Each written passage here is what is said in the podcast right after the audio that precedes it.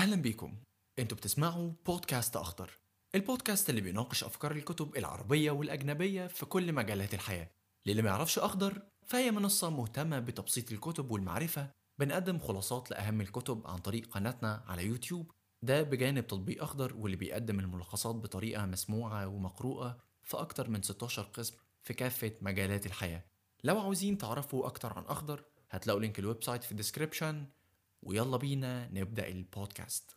حاسس إنك عاوز تعمل turn off للكوكب وتنعزل عن دوشته؟ حاسة إن نفسك تحققي تهديدك الشهير وتسيب البيت؟ ومحدش يعرف لك طريق؟ محتاج تفصل ترتاح تصفي ذهنك تستعيد طاقتك. محتاج حد يدلعك؟ آه أنا عارف. حاسس بيك. بس المفاجأة يا عزيزي إن أنا مش بهاء سلطان فمش هقدر أقول لك تعالى دلعك بصراحة. بس أعرف أقول لك إزاي تدلع نفسك بنفسك وتروق عليها وتهتم بيها بجد. ما أصل خلينا واقعيين. إيه أطول وأعمق علاقة في حياتك؟ بالظبط. علاقتك بنفسك. ما هو أصل هتروحوا من بعض فين برضو؟ لذلك هي أكتر علاقة تستحق إنك تستثمر فيها وتحافظ عليها إنها تكون علاقة صحية ومريحة وبناءة. وده يستدعي يا عزيزي إنك تعتني بنفسك صح. والعناية بالذات اللي نقصدها هنا هي أي فعل متعمد بتعمله في سبيل الحفاظ على سلامتك النفسية والذهنية والجسدية. أي فعل بتعمله للحفاظ على مشاعرك وروحانياتك وأفكارك ووعيك. وده بيشمل كل تفاصيل حياتك حرفيا من أول نومك وأكلك وشربك لحد شغلك وأصحابك وأهلك. مرورا بمدخلاتك كلها بتتفرج على إيه وبتقرأ إيه وبتسمع لمين وهكذا. لذلك كتابنا النهارده هو العناية بالذات. كيف تعيش حياة واعية وتعتني بنفسك.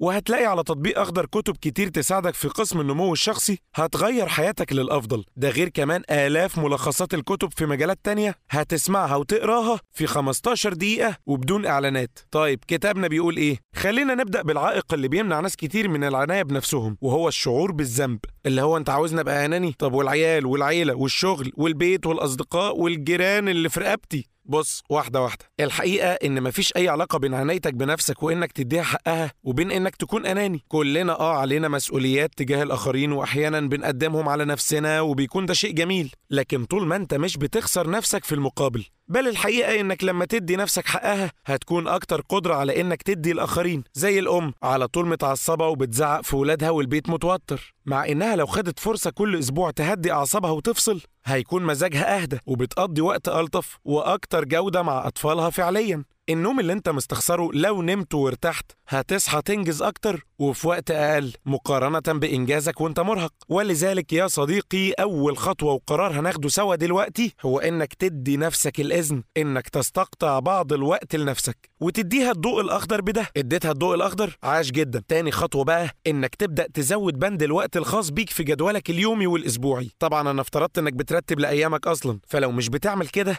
ابدأ علشان ده من أساسيات العناية بالذات. وهعرفك ليه قدام شوية. المهم وانت بتحط خطتك ممكن تلاقي في أيام ساعة كاملة لنفسك وأيام تانية خمس دقايق بالعافية وأوقات ممكن تلاقي يوم كامل. ده كله ممكن بس المهم يكون في وقت أيا كان. ممكن يكون الصبح بدري قبل ما تصحي ولادك أو قبل ما تنزل شغلك أو قبل النوم. ممكن في استراحات الغداء ممكن في أوقات الانتظار أو المواصلات. دي كلها فرصة ليك. تشرب قهوتك تقرأ كتاب تسمع حاجة تتأمل في اللاشيء. هتقول لي طيب بس أنا مش بلاقي الوقت اللي أنت بتقول عليه ده بصراحة. هقول لك ماشي هساعدك. عشان توفر وقت للعناية بنفسك محتاج برضو تتعلم كذا مهارة. أولها مهارة الرفض. إنك تعرف تقول لأ.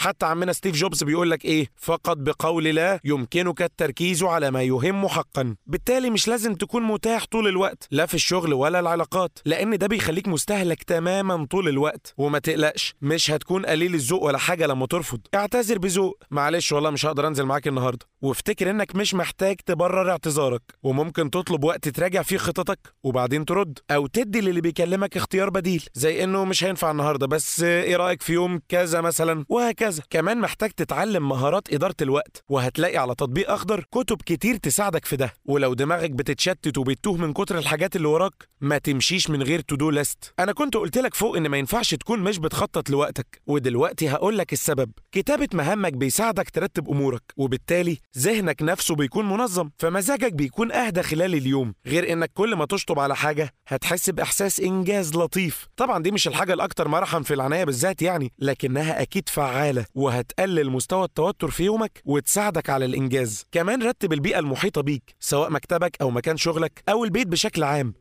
وتخلص من الحاجات المكدسة وغير الضرورية لأن الفوضى ليها علاقة جدا بالتوتر سواء الفوضى الشخصية أو فوضى المكان. فخصص ولو عشر دقايق كل يوم ترتب الدنيا حواليك وترتب ليومك. طبعا مش معنى اني بقول لك رتب ليومك إن الدنيا هتمشي معاك perfect وعشان كده النصيحة الجاية هي إنك تتقبل بشريتك وتقبل إن مفيش حاجة مثالية في الدنيا. وما تسعاش للكمال علشان الكمال لله وحده يعني من الآخر. إحنا آه بنجتهد علشان نحقق أفضل ما في وسعنا بس مجرد ما عملت ما في وسعك وحاولت خلاص ارضى والنتيجة ايا كانت وبس. حتى لوري ديشن بتقولك الكمال ليس لمخلوق لذلك لا تبخل على نفسك بالثناء في كل مرة تبلي بلاء حسنا. وتلطف في التعامل مع نفسك في حالات المعاناة. أغلبنا بيفضل يقول لنفسه كلام سلبي طول الوقت. أنا ليه عملت كذا وأنا فاشل؟ و blah blah blah. بس أنا عاوز أسألك سؤال. تعرف تقول لصاحبك ربع الكلام اللي بتقوله لنفسك في كل موقف؟ لا. طيب أمال عامل في روحك كده ليه؟ جرب تكون أعز صديق لنفسك وتلطف معاها حتى لو أنت مخطئ.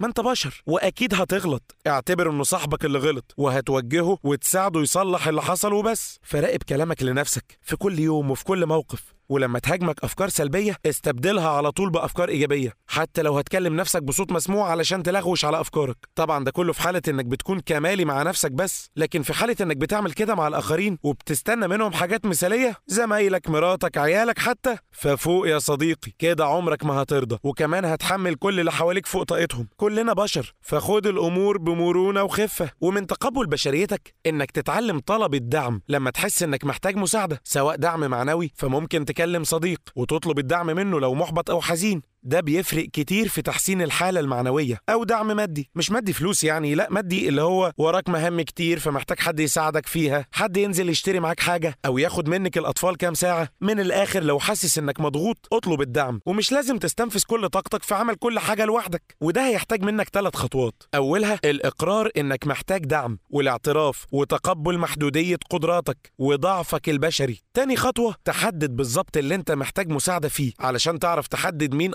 أفضل حد تطلبها منه سواء كان من المقربين أو متخصص. تالت خطوة تنفذ وتطلب المساعدة. وبس. ومن المهارات المهمة اللي هتساعدك في العناية بنفسك إنك تتعلم تغتنم المتعة البسيطة وتبسط نفسك بتفاصيل يومك العادية. اعمل قائمة بالحاجات اللي بتبسطك زي منظر الشروق حديقة معينة ممكن تعدي عليها في طريق جامعتك عصير معين بتحبه وتعمد تعمل الحاجات دي في روتينك اليومي. كمان حاجات زي إنك تتمشى مع صديق أو تعملي مخبوزات بتحبيها. خلي الحاجات دي ضمن خططك وفضيلها وقت بشكل دوري واستمتعي بيها وتعلم تمتن لكل النعم اللي في حياتك. هات note وسميها مذكرة الامتنان واكتب فيها كل يوم ثلاث حاجات انت ممتن ليها. من أول المية الدافية في الحنفية والسقف اللي فوقك لحد لقمة فطار حلوة أو ابتسامة من راجل كبير في الشارع أو حبة هوا حلوين. وعامة مهم تعرف إن الابتسام والضحك بيجيبوا السعادة مش بس السعادة اللي بتجيبهم. كمان مهم إنك في كل يوم تختلي بنفسك. ولو خمس دقايق زي ما قلنا في الأول. طيب إيه اللي ممكن أعمله في الوقت ده؟ والله براحتك بقى المهم تكون مستمتع. بس خليني أقول لك كام نصيحة. أولهم وأهمهم إن في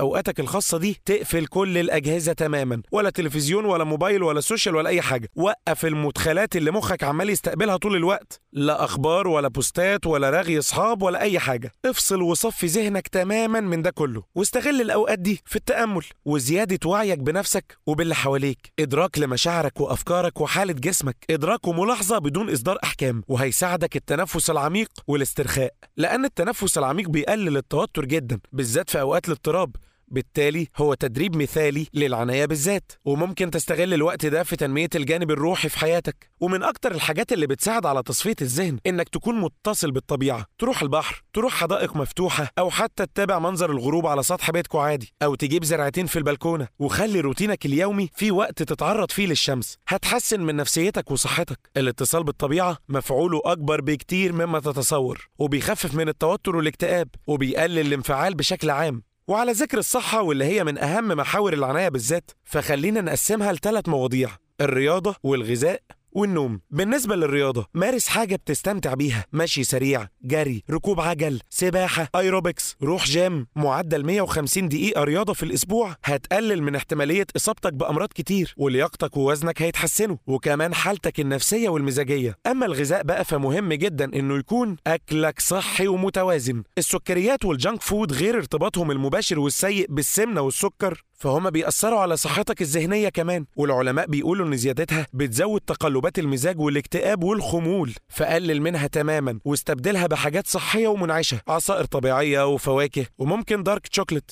وهكذا. وطبعا لازم تشرب مية كفاية. من 6 ل 8 أكواب من المية يوميا هتخليك منتعش وتقلل الشعور بالإعياء وتخلص جسمك من السموم. ومفيش مانع تستمتع بكوباية شاي. آه والله في عنوان منفصل الكاتبة بتقولك فيه تلذذ بكوب من الشاي. وبتقولك إن له تأثيرات على الدماغ بتعادل تأثير التأمل وإنه بيحفز موجات دماغية مرتبطة بالاسترخاء العميق وتعزيز الصفاء الذهني. بس خلينا نروح لبند النوم بقى وده عامل مهم جدا ناس كتير بتغفل عنه. رغم إن النوم غير الكافي بيأثر على التركيز والإنتاجية والحالة المزاجية طول اليوم فاحرص إنك تنام عدد ساعات كافية وتحسن جودة نومك. و8 ساعات عامة معدل كويس. كمان ممكن تاخد قيلولة في نص اليوم. ده من أكتر الحاجات اللي بتجدد النشاط وبتساعد في تهدئة وتيرة اليوم. وعشان تحسن جودة نومك بالليل مهم تعمل روتين هادئ ومهيئ قبل وقت النوم بوقت كافي. ممكن تاخد دش دافي آخر اليوم هيرخي عضلاتك.